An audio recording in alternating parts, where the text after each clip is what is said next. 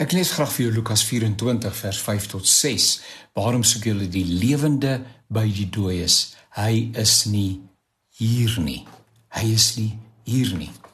Ons het selfs hierdie week oor 'n saak wat ons normaalweg iets wat somber beleef, naamlik die dood. Maar, maar ons gesels eintlik oor die lewe na die dood. Nee, nee, ons gesels nie oor die dood nie want gelowiges gaan nie dood nie. Die woordjie dood bestaan eintlik nie in ons woorde skat nie. Kom ek noem 'n voorbeeld en ek probeer, ek probeer saam met jou nadink. As ek nou van my tuisdorp af na 'n ander bestemming vertrek, is ek tog nie dood nie.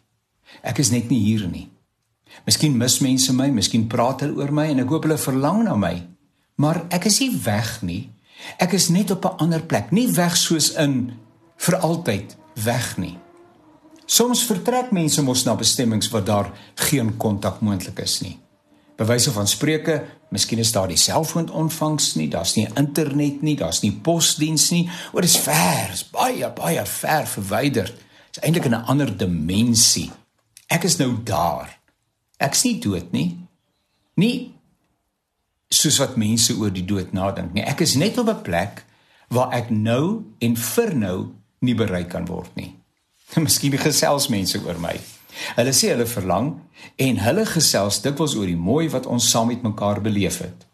Maar hulle gesels nie met my en oor my as iemand wat dood is nie, want dood beteken tog dood klaar afgehandel tot niet, nê? Nee?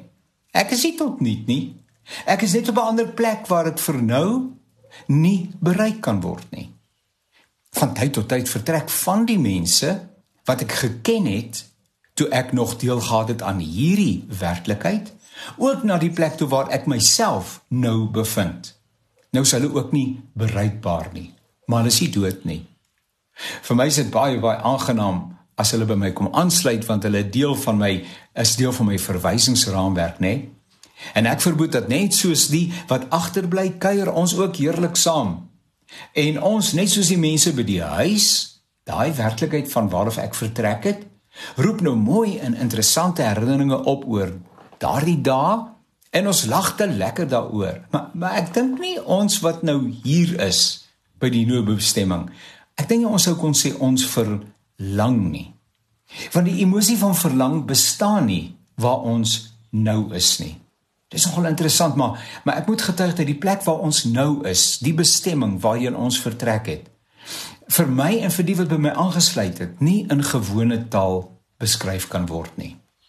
Selfs die woorde volmaak, heel alles omvattend, gesond, gelukkig, tevrede kan dit nie volmaak en volkome beskryf nie. Die gedagte dat ook ander later by ons kom aansluit is wonderlik, maar ons verlang nie soos wat mense op aarde verlang nie. Kan dit nie regtig beskryf nie, maar miskien maak dit sin. Maar ons is bly wanneer ander by ons kom aansluit. Die interessante is dat uh, uiteindelik alle mense nê nee, al die mense wat hierdie verwagting het dat hulle op pad is na hierdie bestemming uiteindelik by ons gaan aansluit hier waar ons nou is. Dit is ons almal se bestemming. En terwyl ons almal op aarde was, het dit ver geklink en onwerklik en ons was nie baie seker of dit lekker gaan wees nie, maar nou dat ons hier aangekom het, weet ons, dis eintlik die die ding wat ons al die tyd gemis het in ons lewens. Ons het die gevoel gehad iets kort, maar nou weet ons hierdie oorvloed is onvergelykbaar.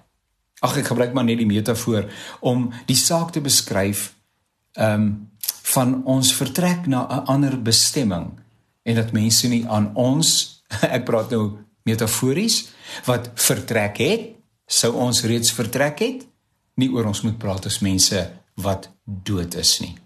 Miskien help dit vir jou. Op sommige wys, hulle wat vooruit is, soos die begrafnis wat ek in die onlangse verlede gehad het, alhoewel hulle nie tans bereikbaar is nie, is hulle nie dood nie. Hulle is net op 'n ander plek.